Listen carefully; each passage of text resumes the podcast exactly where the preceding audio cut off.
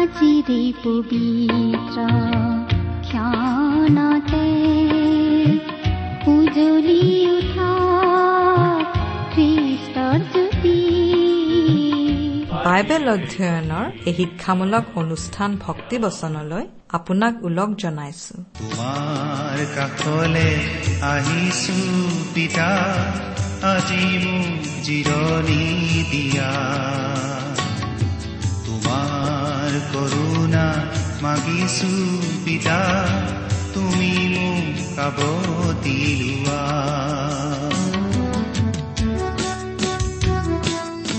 প্ৰভু যীশুৱে কৈছে হে পৰিশ্ৰান্ত আৰু ভাৰাক্ৰান্ত লোকসকল মোৰ ওচৰলৈ আহা। মই তোমালোকক জিৰণি দিম। যীশুৱে এইদৰে সদায়ে দুখ যাতনা আৰু কষ্টৰ গধুৰ ভাৰত ককবকাই থকা লোকসকলক শান্তি আৰু জিৰণি দিয়াৰ প্ৰতিশ্ৰুতিৰে তেওঁৰ ওচৰলৈ মাতি আছে। কেতিয়াও মিছা নোকোৱা এই ঈশ্বৰে আজিও এইদৰে দুবাহু মেলি বাট চাই ৰৈ আছে। যিকোনো লোকেই তেওঁৰ ওচৰলৈ আহি জীৱনৰ শান্তি আৰু জিৰণি লাভ কৰিব পাৰে। প্ৰিয় শ্ৰোতা এই নিমন্ত্ৰণক আপুনি গ্ৰহণ কৰি তেওঁক নিজকে সমৰ্পণ কৰিব পাৰিব। তেওঁৰ এই নিমন্ত্ৰণ আৰু প্ৰতিজ্ঞাসমূহত নিৰ্ভৰ কৰি এটা নতুন জীৱনৰ পথত অগ্ৰসৰ হবলৈ আহক আজিৰ এই বাইবেল শিক্ষা শুনো।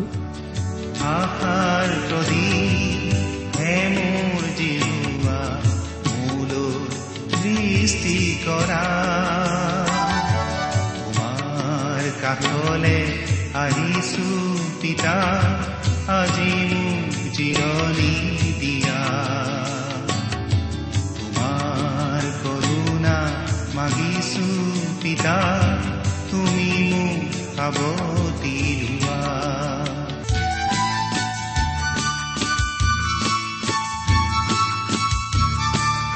মোৰে জীৱন আজি সপিলো যিছু তোমাৰে কাষ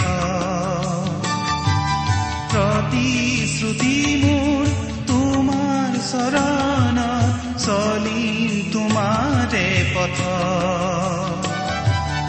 মাথো আজি তোমাৰ প্ৰেমেৰে জীৱন পূৰ্ণ কৰা মাথো আজি তোমাৰ প্ৰেমেৰে জীৱন পূৰ্ণ কৰা তোমাৰ কাষলে আহিছো পিতা আজি মোক জিৰণি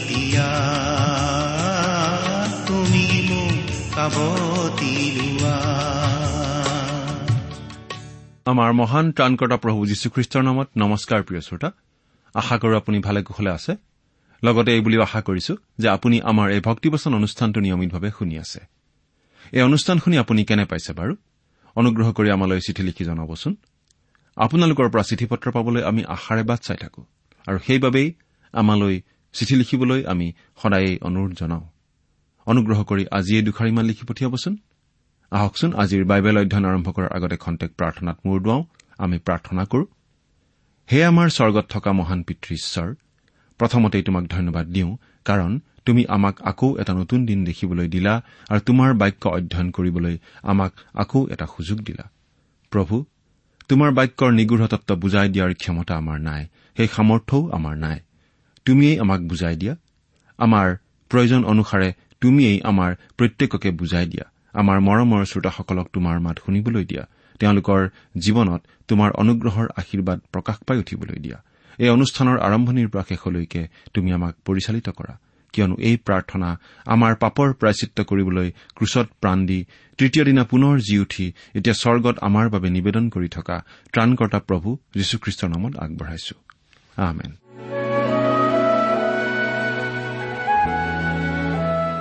প্ৰিয় শ্ৰোতা আমি বাৰু এতিয়া বাইবেলৰ কোনখন পুস্তক অধ্যয়ন কৰি আছো? আপোনাৰ মনত আছেনে?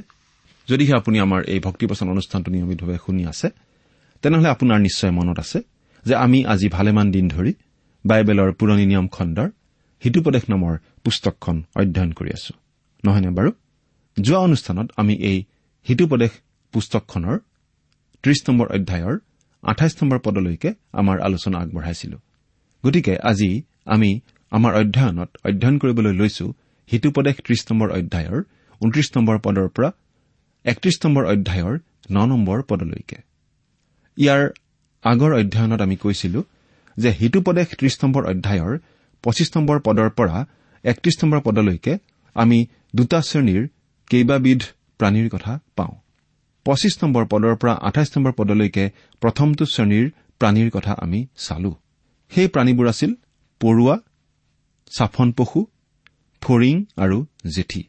এইকেইটা প্ৰাণীৰ যোগেৰে আমি শিকিলো আমি পাপী মানুহে কেনেকৈ প্ৰভুৰ ওচৰলৈ যাব লাগে।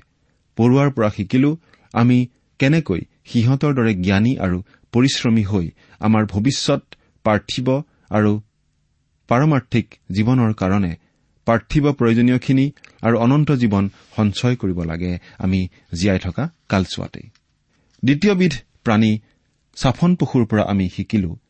চাফন পশুৰ দৰে দুৰ্বল আৰু সহায়হীন আমি যি মানুহ আমি মানুহে আমাৰ ইহকাল আৰু পৰকালৰ দৃঢ় শিলা প্ৰভু যীশুখ্ৰীষ্টত আশ্ৰয় ল'ব লাগে। প্ৰথমটো শ্ৰেণীৰ তৃতীয়বিধ প্ৰাণী ফৰিঙৰ পৰা আমি শিকিলো নেতাহীন হলেও ইহঁত কেনেকৈ একত্ৰিত হৈ থাকে পৰস্পৰে পৰস্পৰৰ সৈতে সহযোগ কৰে আৰু অতি শৃংখলিতভাৱে সিহঁতে সিহঁতৰ জীৱন পথত আগবাঢ়ে।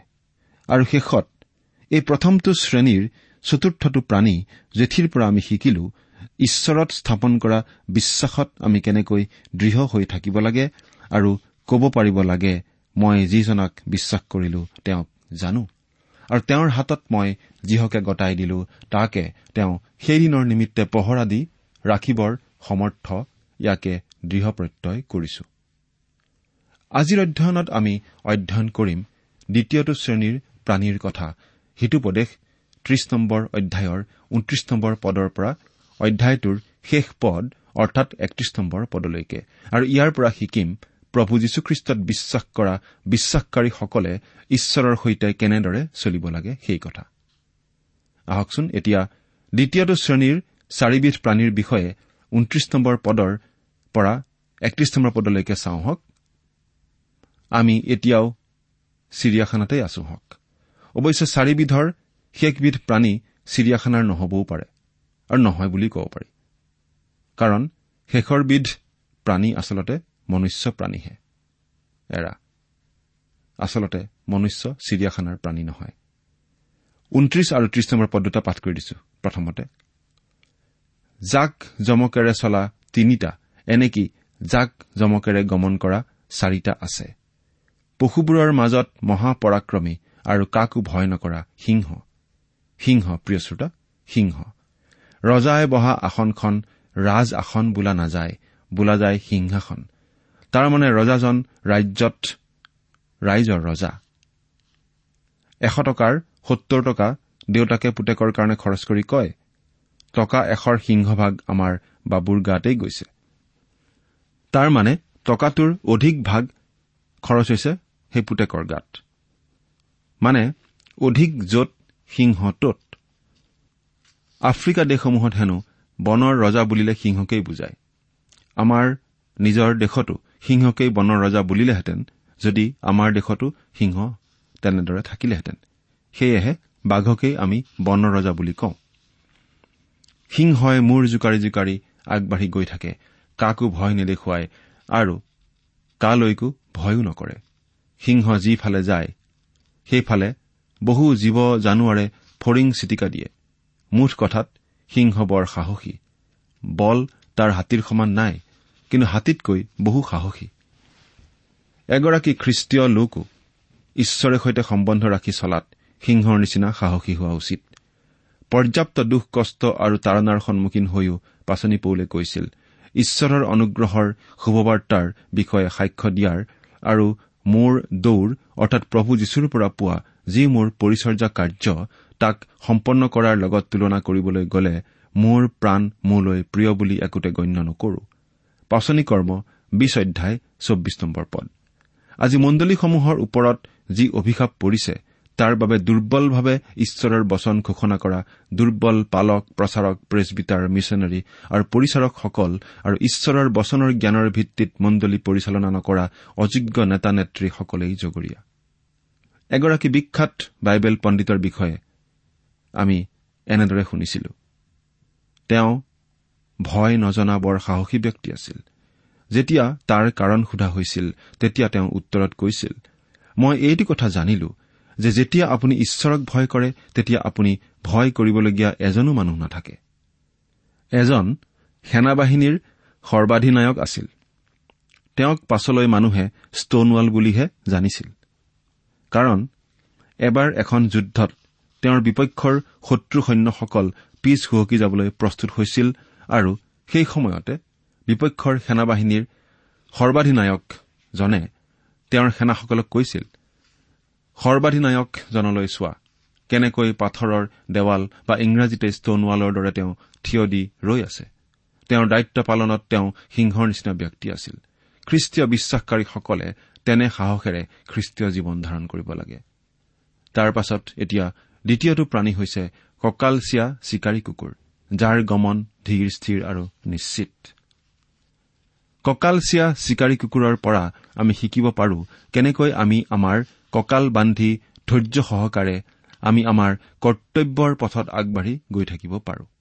বাইবেলে কৈছে এতেকে তোমালোকে যেন নিজ নিজ প্ৰাণৰ ক্লান্তিত ক্লান্ত নোহোৱা এইকাৰণে যিজনাই নিজৰ বিৰুদ্ধে কৰা পাপীবিলাকৰ এনে প্ৰতিবাদ সহন কৰিছিল তেওঁলৈ মনোযোগ কৰো হওক।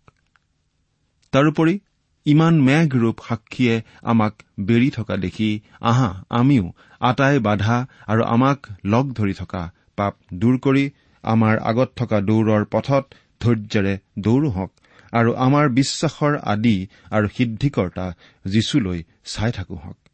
তেওঁ তেওঁৰ আগত থকা আনন্দৰ নিমিত্তে অপমানকে হেয় জ্ঞান কৰি ক্ৰুচ যন্ত্ৰণা সহন কৰি ঈশ্বৰৰ সিংহাসনৰ সোঁফালে বহিল। ইব্ৰী বাৰ নম্বৰ অধ্যায়ৰ এক নম্বৰ পদৰ পৰা তিনি নম্বৰ পদলৈকে আমি পঢ়িলো। তাৰ পাছত যিটো প্ৰাণীৰ কথা উল্লেখ কৰা হৈছে সেয়া হৈছে মতা চাগ। ইয়াত যিটো মতা চাগৰ কথা কোৱা হৈছে পেলেষ্টাইনৰ তেনে চাগবোৰ পাহাৰৰ উচ্চভূমিত থাকিহে অধিক আনন্দ উপভোগ কৰে। আমাৰ নিজৰ ৰাজ্যৰ ছাগলীবোৰেও ওখ ঠাই হেলনীয়া গছ শিলাময় পাহাৰ এই আটাইবোৰতেই উঠিব পাৰে। চৰিবলৈ আৰু জিৰাবলৈ সদায় ওখ ঠাই পালে বৰ আনন্দ কৰে আৰু বৰ উপভোগ কৰে। গৰু মহ গাহৰি কুকুৰ আৰু ঘোঁৰা আদিয়ে ওখ ঠাইত উঠিব নোৱাৰে কিন্তু ছাগলীয়ে পাৰে। বিশেষকৈ পেলেষ্টাইনৰ ওখ ওখ পাহাৰত থকা মতা চাকবোৰে শিলাময় ওখ ওখ ঠাইবোৰকেই সিহঁতৰ বাসস্থান আৰু আশ্ৰয়স্থানৰূপে নিৰ্বাচন কৰি লয়। সিহঁতে সেই ওখ ঠাইবোৰত থাকি আনন্দ উপভোগ কৰাৰ লগতে অতি নিৰাপদেও তাত থাকিব পাৰে। বাঘ সিংহ আদিয়েও সিহঁতক ঢুকি নাপায়। বাঘ আৰু সিংহই বৰ বৰ শিলাত উঠিব নোৱাৰে। ইয়াৰ পৰা আহৰণ কৰিবলগীয়া বাণী অতি স্পষ্ট। হবকুকে ওখ ঠাইবোৰত গমন কৰাৰ দৰে যি খ্ৰীষ্টীয় বিশ্বাসকাৰীসকলে ওখ ঠাইবোৰত গমন কৰিব ভাল পায় তেওঁলোকে দুখ বিপদৰ দিনতো আনন্দতে থাকিব পাৰে।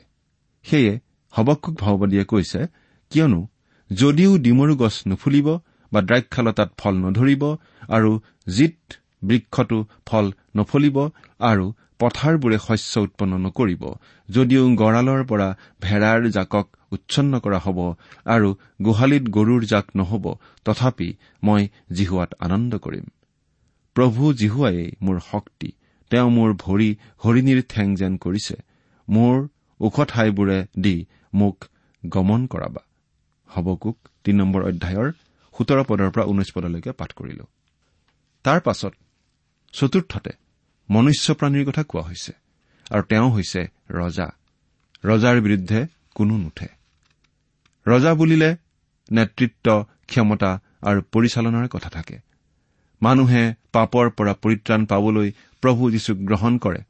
তাৰ পাছৰে পৰা প্ৰভু যীশুত থাকি সাহস ধৈৰ্য আৰু আনন্দ সহকাৰে জীৱন যাপন কৰে। কিন্তু মানুহৰ দায়িত্ব সিমানতে অন্ত নপৰে। সিমানলৈকে হওঁতে কেৱল নিজৰ নিমিত্তহে হ'ল। কিন্তু খ্ৰীষ্টীয় লোকসকল আনৰ বাবেও দায়বদ্ধ। তেওঁলোকে যেনেকৈ খ্ৰীষ্টক পাই পৰিত্ৰাণপ্ৰাপ্ত লোক হ'ল তেনেকৈ আনবিলাকো হ'ব লাগিব। ইয়াৰ বাবে প্ৰয়োজন কাৰোবাৰ নেতৃত্ব আৰু পৰিচালনা। আৰু তেওঁলোকে খ্ৰীষ্টত বিশ্বাস স্থাপন কৰি সাহস ধৈৰ্য আৰু আনন্দ সহকাৰে জীৱন যাপন কৰাৰ দৰে আন সকলেওতো সেইদৰে জীৱন ধাৰণ কৰিব লাগে। তাৰ বাবেও প্ৰয়োজন কাৰোবাৰ নেতৃত্ব আৰু পৰিচালনা। সেই ৰজাৰ কাম নেতৃত্ব আৰু পৰিচালনাসহ আপুনি আমিয়েই কৰিব লাগিব। আমাৰ এজন ৰজা আছে আৰু আমাৰ এজন প্ৰভু আছে আৰু তেওঁ হৈছে আমাৰ সকলোৰে ৰজাৰো ৰজা আৰু প্ৰভুৰো প্ৰভু প্ৰভু যীশুখ্ৰীষ্ট। প্ৰথম তিমঠীয় ছয় নম্বৰ অধ্যায়ৰ পোন্ধৰ নম্বৰ পদ। আৰু প্ৰকাশিত বাক্য সোতৰ নম্বৰ অধ্যায়ৰ চৈধ্য নম্বৰ পদ পঢ়ি চাওকচোন। সেইজনা ৰজা আৰু ৰজাৰ নেতৃত্ব ক্ষমতা আৰু পৰিচালনাৰ অধীনত আমি নেতৃত্ব বহন কৰি কাম কৰিব লাগিব। প্ৰথম আৰু প্ৰধান কামটো হৈছে যোৱা আৰু গোটেই জাতিৰ আগত শুভবাৰ্তা প্ৰচাৰ কৰা পৰিত্ৰাণ বা অনন্ত জীৱনৰ অধিকাৰী হোৱাৰ সাক্ষ্য বহন কৰা। মুঠিয়ে লিখা শুভবাৰ্তা আঠাইছ নম্বৰ অধ্যায়ৰ ঊনৈশ আৰু বিশ পদ। মাৰ্কে লিখা শুভবাৰ্তা ষোল্ল নম্বৰ অধ্যায়ৰ পোন্ধৰ নম্বৰ পদ আৰু পাচনি কৰ্ম এক নম্বৰ অধ্যায়ৰ আঠ নম্বৰ পদ। কেৱল সেয়েই নহয় খ্ৰীষ্টীয় মণ্ডলীৰো নেতৃত্ব লৈ এই মণ্ডলী পৰিচালনা কৰাৰ দায়িত্বও আপোনাৰ আৰু মোৰেই। প্ৰভুৰো প্ৰভু জনাৰ নেতৃত্ব ক্ষমতা আৰু পৰিচালনাৰ অধীনত পবিত্ৰ আত্মাৰে পূৰ হৈ আমি সেই কাম যেন কৰো সেইটোৱেই প্ৰভুৰ ইচ্ছা। এই পুস্তকৰেই সাতাইছ নম্বৰ অধ্যায়ৰ তেইছ নম্বৰ পদত আমি এই কথা এইদৰে পাই আহিছো। তোমাৰ ভেড়াৰ জাকৰ অৱস্থা জানিবলৈ তুমি যত্নবান হোৱা আৰু তোমাৰ পশুৰ জাকক ভালকৈ আপডাল কৰা। ৰজাৰো ৰজা আৰু প্ৰভুৰো প্ৰভুৰ নেতৃত্ব ক্ষমতা আৰু পবিত্ৰ আত্মাৰ পৰিচালনাত এই দুয়োবিধ কাম কৰিবলৈ আমি দায়বদ্ধ। আৰু যেতিয়া আমি সাহস ধৈৰ্য আৰু ওখ ঠাইবোৰত থাকি এই কাম কৰি যাওঁ তেন্তে আমি জানো যে ৰজাৰো ৰজাজনৰ বিৰুদ্ধে কোনো উঠিব নোৱাৰে। এতিয়া আমি ত্ৰিশ নম্বৰ অধ্যায়ৰ বত্ৰিশ আৰু তেত্ৰিশ নম্বৰ পদ দুটা পাঠ কৰি দিব খুজিছো। শুনিবচোন। তুমি যদি অহংকাৰ কৰি অজ্ঞান কৰ্ম কৰিলা বা কুকল্পনা কৰিলা তেন্তে মুখত হাত দিয়া। তেত্ৰিশ নম্বৰ পদ। কিয়নো যেনেকৈ গাখীৰ মঠিলে মাখন হয় আৰু নাক মোহাৰিলে তেজ ওলায় তেনেকৈ ক্ৰোধ উজাৰিলে দণ্ড লাগে। অৰ্থাৎ প্ৰিয় শ্ৰোতা আমাক এনেদৰে চলিবলৈ কোৱা হৈছে যাতে আমি আমাৰ ক্ৰোধ সম্বৰণ কৰো ধৈৰ্য ধৰো আত্মসংযম দেখুৱাওঁ যাতে দণ্ড হাই কাজিয়া আদি সৃষ্টি নহয়। এতিয়া আমি একত্ৰিশ নম্বৰ অধ্যায় অৰ্থাৎ হিতুপদেশ পুস্তকৰ শেষ অধ্যায়টোলৈ আগবাঢ়ি যাওঁ হওক। এই অধ্যায়টোৰ নীতিবচনখিনি কোনোবা লেমুৱেল ৰজাৰ বুলি কোৱা হৈছে। ভাৰ্যা কেনেকে মনোনীত কৰিব লাগে বোলা বিষয়টোৱেই এই অধ্যায়টোৰ খুব খাপ খোৱা বা উপযুক্ত বিষয় হ'ব। অৱশ্যে গুণৱতী তিৰোতাৰ কথা আমি যিহেতু দহ নম্বৰ পদৰ পৰাহে পাম সেয়েহে সেই বিষয়টো ইয়াৰ পাছৰ অধ্যয়নটোতহে আলোচনা কৰা হ'ব। কাৰণ আজি আমি ন নম্বৰ পদলৈকেহে আলোচনা কৰিম। এক নম্বৰ পদটো পাঠ কৰি দিছো। লৌমুৱেল ৰজাৰ বাক্য। তেওঁৰ মাতৃয়ে তেওঁক শিক্ষা দিয়া ঈশ্বৰীয় বাক্য। খুব সম্ভৱ এই অধ্যায়টো চলোমনৰ দ্বাৰাই লিখিত অধ্যায়। কাৰণ লেমুৱেল নামৰ কোনো ৰজা নাই। ঈশ্বৰে চলোমনক যি নাম দিছিল সেয়া আছিল জিদি দিয়া আৰু এই নামৰ অৰ্থ হ'ল জিহুৱাৰ প্ৰিয়। দ্বিতীয় চমুৱেল বাৰ নম্বৰ অধ্যায়ৰ পঁচিছ নম্বৰ পদত আমি এই কথা পাওঁ। লেমুৱেল নামটোৰ অৰ্থ হৈছে প্ৰভুলৈ উৎসৰ্গিত। বহুতৰ ধাৰণা যে চলোমনৰ মাক বৎসেবাই মৰমতে তেওঁক লেমুৱেল বুলি মাতিছিল। এয়া ঘৰুৱা মৰমৰ নাম। সকলোৰে পূজ্যা মাসকলে নিজৰ সন্তানসকলক একো একোটা মৰমৰ নাম দিয়ে। অৱশ্যে কিছুমান মৰমৰ হলেও হাঁহি উঠা যেনে কান্দোৰা হাগুৰা ভেলৌ ইত্যাদি।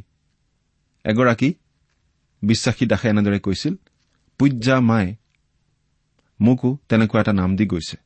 অৱশ্যে নামৰ অৰ্থটো আমাৰ জনজাতীয় ভাষাৰহে। অসমীয়াত কবলৈ গ'লে তাৰ অৰ্থটো হ'ব বহল মুখমণ্ডলৰ চলোমনৰ মাকে কি জানি? চলোমনক চলোমন বুলি কেতিয়াও মতা নাছিল। লেমুৱেল অ' লেমুৱেল বুলিয়েই চাগে ৰাজগৃহৰ ভিতৰে বাহিৰে লেমুৱেলক মাতিছিল বিচাৰিছিল। সেই মাকজনীয়ে লেমুৱেলক অধ্যায়টোত থকা পৰামৰ্শবোৰ দিছিল আৰু লেমুৱেলেও লিখিছিল। মাতৃ দিৱসৰ দিনা শিক্ষা দিবলৈ এই শাস্ত্ৰাংশখিনি বৰ উপযুক্ত শাস্ত্ৰাংশ। দুই নম্বৰ পদটো পঢ়িছো। হে মোৰ বোপা হে মোৰ গৰ্ভজাত পুত্ৰ। হে মোৰ সংকল্পৰ পুত্ৰ মই কি ক'ম? ইয়াতে মন কৰকচোন। মাকে কৈছে যে পুত্ৰজন সংকল্পৰ পুত্ৰ আৰু সংকল্পৰ পুত্ৰ মানে ঈশ্বৰৰ পৰিচৰ্যাৰ বাবে উৎসৰ্গিত পুত্ৰ। আৰু লেমুৱেল নামৰ অৰ্থও হৈছে প্ৰভুলৈ উৎসৰ্গিত। সেই মাকজনী যদি বটছেবাই হয় তেন্তে লেমুৱেল বোলা ৰজাজন চলোমনেই হ'ব। গতিকে মাক বটছেবাই পুতেক চলোমন বা জিদি দিয়া বা লেমুৱেলক কৈছে বোপাই মই তোমাক কি ক'ম কি ক'ব পাৰো? মাকে পৰামৰ্শ অলপ দিবৰ বৰ প্ৰয়োজন হৈছিল কাৰণ চলোমনৰ চাল চলন আৰু আচাৰ ব্যৱহাৰত তেওঁ লক্ষ্য কৰিছিল দেউতাক ডায়ুদৰ কোনো কোনো আচৰণ। তেওঁৰ মনত পৰিছিল ডায়ুদৰ পাপ আচৰণৰ কথা কাৰণ বটছেবাক লৈ ডায়ুদে যি কৰিছিল সেয়া বাস্তৱিকতেই ডায়ুদৰেই পাপ আছিল। মুঠিয়ে লিখা শুভবাৰ্তা এক নম্বৰ অধ্যায়ৰ ছয় নম্বৰ পদত ডায়ুদ চলোমনৰ নামৰ লগত বটছেবা নামটো নকৈ কৈছে উৰিয়াৰ ভাৰ্যা বুলি। তেওঁৰ নামকেই ইয়াত উল্লেখ কৰা নাই। ইয়াৰে ঈশ্বৰে ইংগিত দিছে যে সেই পাপত বটছেবাৰ সহযোগ নাছিল। চলোমন এতিয়া যিবিলাক পৰীক্ষাৰ সন্মুখীন হৈছিল সেইবিলাক মাকৰ নজৰত পৰিছিল। সেয়ে তেওঁ নিজ পুত্ৰক পৰামৰ্শ আগবঢ়াইছিল। তিনি নম্বৰ পদ। তুমি তিৰোতাবিলাকত আসক্ত হৈ নিজ শক্তি হানি নকৰিবা আৰু ৰজাবিলাকৰ বিনাশক পথত নচলিবা ডায়ুদক মনত ৰাখিয়েই মাতৃয়ে পুত্ৰক পৰামৰ্শ দিছিল। ৰজাৰ বল শক্তি ৰাজ্য আৰু ৰাইজৰ বাবেহে ৰজাই ব্যৱহাৰ কৰিব লাগে। তিৰোতাবিলাকত নহয়। চাৰি আৰু পাঁচ নম্বৰ পদ। ৰজাবিলাকৰ নিমিত্তে হে লেমুৱেল ৰজাবিলাকৰ নিমিত্তে দ্ৰাক্ষাৰস পান কৰা উপযুক্ত নহয় আৰু সুৰা কোট বুলি কোৱা নৃপতিবিলাকৰ অনুচিত। নতুবা তেওঁবিলাকে পান কৰি ব্যৱস্থা পাহৰিব আৰু কোনো দুখী লোকৰ বিচাৰ বিপৰীত কৰিব। লেমুৱেলৰ মাক যদি আজি থাকিলেহেঁতেন তেওঁ দেখিলেহেঁতেন যে আজিকালিৰ আধুনিক ৰজাসকলৰ বেছিভাগৰেই সেই ঘুটুং পানী নধৰিলেই নহয়। আজিকালিৰ কথাছবি আৰু দূৰদৰ্শনৰ ধাৰাবাহিকৰ দৰ্শনীবিলাকতো ঘুটুং পানী ধৰি ধৰি আধুনিক তজবজীয়া হোৱাটোক শিকায়। এয়া ভালৰেই কথা যে আমাৰ স্বদেশৰ অনেক এনেকুৱা চলাওতাই এই নিজৰ জীৱনৰ পৰা ধ্বংসাত্মক বস্তুটো আঁতৰাই ৰাখিছে বচাই ৰাখিছে।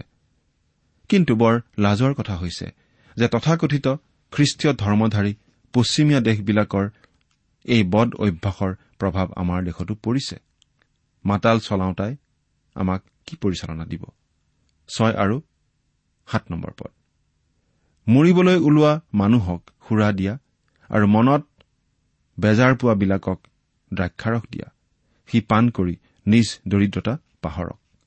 তাৰমানে মৰিবলৈ ধৰা মানুহ আৰু বেজাৰত থকা দৰিদ্ৰবিলাকে ক্ষণস্থায়ী উপকাৰৰ বাবে সুৰা ব্যৱহাৰ কৰাৰো যদি অকণ অৰ্থ থাকে কিন্তু দেশৰ নেতা সমাজৰ নেতাসকলে ব্যৱহাৰ কৰাত কোনো উপকাৰ আৰু অৰ্থ নাথাকে। কাৰণ শাসকবিলাক মৰিবলৈ ওলালে নামী দামী চিকিৎসালয়ৰ চৌব্বিছ ঘণ্টাই আল ধৰা কোঠাত থাকিবলৈ পায়। শাসনকৰ্তাৰ মনত দুখ নাথাকে কাৰণ তেওঁলোক দৰিদ্ৰ নহয়। ক'ৰবাত কেনেবাকৈ যদি দৰিদ্ৰ শাসনকৰ্তা ওলায় তেন্তে সেইটো বৰ আচহুৱা আচৰিত কথা যেনে হ'ব। মোৰ মতে হলে মৰিবলৈ ধৰা মানুহকো সুৰা দি লাভ নাই আৰু বিশেষকৈ দৰিদ্ৰ মানুহক সুৰা দিলে তাৰ মনৰ দুখ কমকচাৰি বাঢ়ি বহে সুৰাপান কৰাৰ পাছত জীৱনৰ দুখ যি অলপ সময়ৰ কাৰণে পাহৰা যায় সি বৰ চলনাময়ী বৰ প্ৰতাৰক। দুখৰ ওপৰত আৰু দুখ জাপি লোৱা হয়। এজন মাতালে এদিন এই বুলি কোৱা আমি শুনিছিলো অভাৱৰ দুখ পাহৰিবলৈ মদত ধৰিছিলো ভাই কিন্তু অভাৱ দুগুণহে হ'ল। আগতে অকল চাউল কিনিবলৈহে পইচা লগা হৈছিল এতিয়া মদ কিনিবলৈকো পইচা লাগে। মদ নাখালে থাকিবই নোৱাৰো। কি কৰো এতিয়া? কতে যে মৰোগৈ কতে মৰো ইত্যাদি। মদত নষ্টামীৰ বাহিৰে আন একো নাই থাকিব নোৱাৰে। মানুহে কিয় মদ খায় আমি বুজি নাপাওঁ। কেতিয়াও বুজি নাপাম। আঠ আৰু ন নম্বৰ পদ। বোবা হৈ থকা লোকবিলাকৰ পক্ষে আৰু অনাথ ল'ৰাবিলাকৰ বিচাৰত নিজ মুখ মেলা। মুখ মেলি ন্যায় বিচাৰ কৰা আৰু দুখী দৰিদ্ৰ লোকৰ বিচাৰ কৰা। বৎসেবাৰ এইখিনি পৰামৰ্শ বৰ প্ৰয়োজনীয়। বৰ মৰমী অন্তৰৰ পৰা অহা পৰামৰ্শ। ৰাজ কাৰেঙৰ ৰাণী ৰাজমাতৃৰ বোবা আৰু অনাথলৈকো দৃষ্টি আছে। অন্তৰৰ গভীৰৰ চকুৰে নেদেখিলে কপাল আৰু নাকৰ মাজত স্থান লৈ চকুহালেৰে বোবা আৰু অনাথৰ আলাই আথানি দেখা পোৱা নাযায়। লেমুৱেলৰ মাকে লেমুৱেলক কৈছে বোপাই জীৱনত খুব সত্যবাদী হবা বিশ্বাসী হবা আস্থাভাজন হবা ন্যায়বান হবা দয়ালু হবা আৰু মানুহক ভাল ব্যৱহাৰ কৰিবা। আৰু সেইদৰে কৰি বোবা আৰু অনাথবিলাকৰ বাবে যথোপযুক্ত ব্যৱস্থা ল'বা। প্ৰিয় শ্ৰোতা আমি বাইবেলত বাৰে বাৰে পাই আহিছো যে ঈশ্বৰে এনেকুৱা অসহায় অনাথ দৰিদ্ৰ বিধৱা মাওৰা আদিৰ বাবে বিশেষভাৱে চিন্তা কৰে। ঈশ্বৰ যে প্ৰেমময় অনুগ্ৰহশীল ঈশ্বৰ তাৰ চিনাকি তেওঁ বাৰে বাৰে দি আহিছে। কিন্তু সকলোতকৈ ডাঙৰ কথা তেওঁ নিজৰ একেজাত পুত্ৰ যীশুখ্ৰীষ্টৰ যোগেৰে সকলো মানুহলৈ পৰিত্ৰাণৰ যি পথ যোগাইছে তাৰ যোগেৰেই তেওঁৰ প্ৰেমৰ প্ৰমাণ দিছে। ঈশ্বৰৰ সেই প্ৰেমৰ সোৱাদ আপুনি গ্ৰহণ কৰিছেনে? চিন্তা কৰি চাওকচোন। ঈশ্বৰে আপোনাক আশীৰ্বাদ কৰক। প্ৰিয় শ্ৰোতা ইমান পৰে আপুনি বাইবেল শাস্ত্ৰৰ পৰা ঈশ্বৰৰ বাক্য শুনিলে। এই বিষয়ে আপোনাৰ মতামত জানিবলৈ পালে আমি নথৈ আনন্দিত হ'ম। আমি প্ৰস্তুত কৰা বাইবেল অধ্যয়নৰ চিডিসমূহ পাব বিচাৰিলে আৰু অনুষ্ঠানত প্ৰচাৰ কৰা কোনো কথা বুজিব লগা থাকিলেও আমালৈ লিখক। প্ৰভু মহিমায় পাৰ।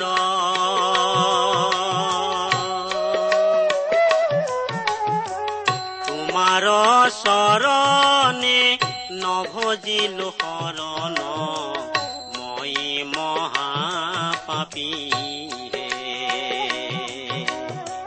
তোমাৰ চৰণে নভজিলো শৰণ।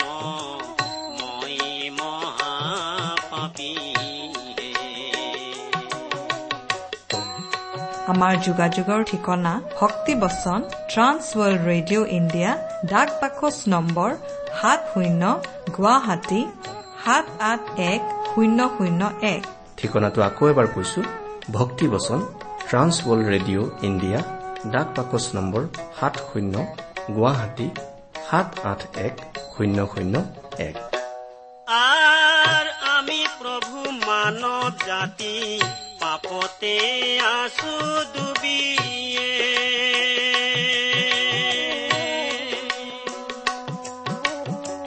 দিয়া প্ৰভু জ্ঞান বুদ্ধি আমাক হে ও হে প্ৰভু যিছু তোমাৰ মহিমায় পাৰ তোমাৰ আমাৰ ইমেইল এড্ৰেছটো হৈছে Assamese T TV at the rate radio' eight eight two dot com আমাৰ website W W W dot T W R dot in আপুনি টেলিফোনৰ মাধ্যমেৰেও আমাক যোগাযোগ কৰিব পাৰে আমাৰ টেলিফোন নম্বৰটো হৈছে nine eight five four zero' four zero' eight eight nine phone নম্বৰটো আকৌ এবাৰ কৈছো ন আঠ পাঁচ চাৰি শূন্য চাৰি শূন্য আঠ আঠ ন আপুনি এই ভক্তিবচন অনুষ্ঠানটি আমাৰ website W W W dot radio' eight eight two dot কমতো শুনিব পাৰিব। আজিৰ অনুষ্ঠানটি ইমানতে সামৰিছো। ঈশ্বৰৰ শান্তি আৰু অনুগ্ৰহ আপোনাৰ লগত থাকক। ধন্যবাদ। আৰ এইখন পৃথিৱী তোমাৰে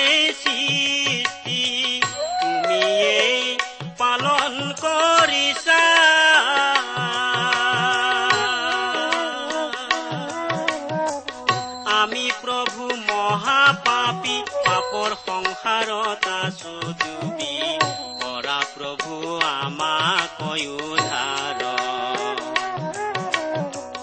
আমি প্ৰভু মহাপাপী পাপৰ সংসাৰত আছো ডুবি কৰা প্ৰভু আমাক উদ্ধাৰ ও হে প্ৰভু যীশু তোমাৰ মহিমায় পাৰ চৰণে নভজিলো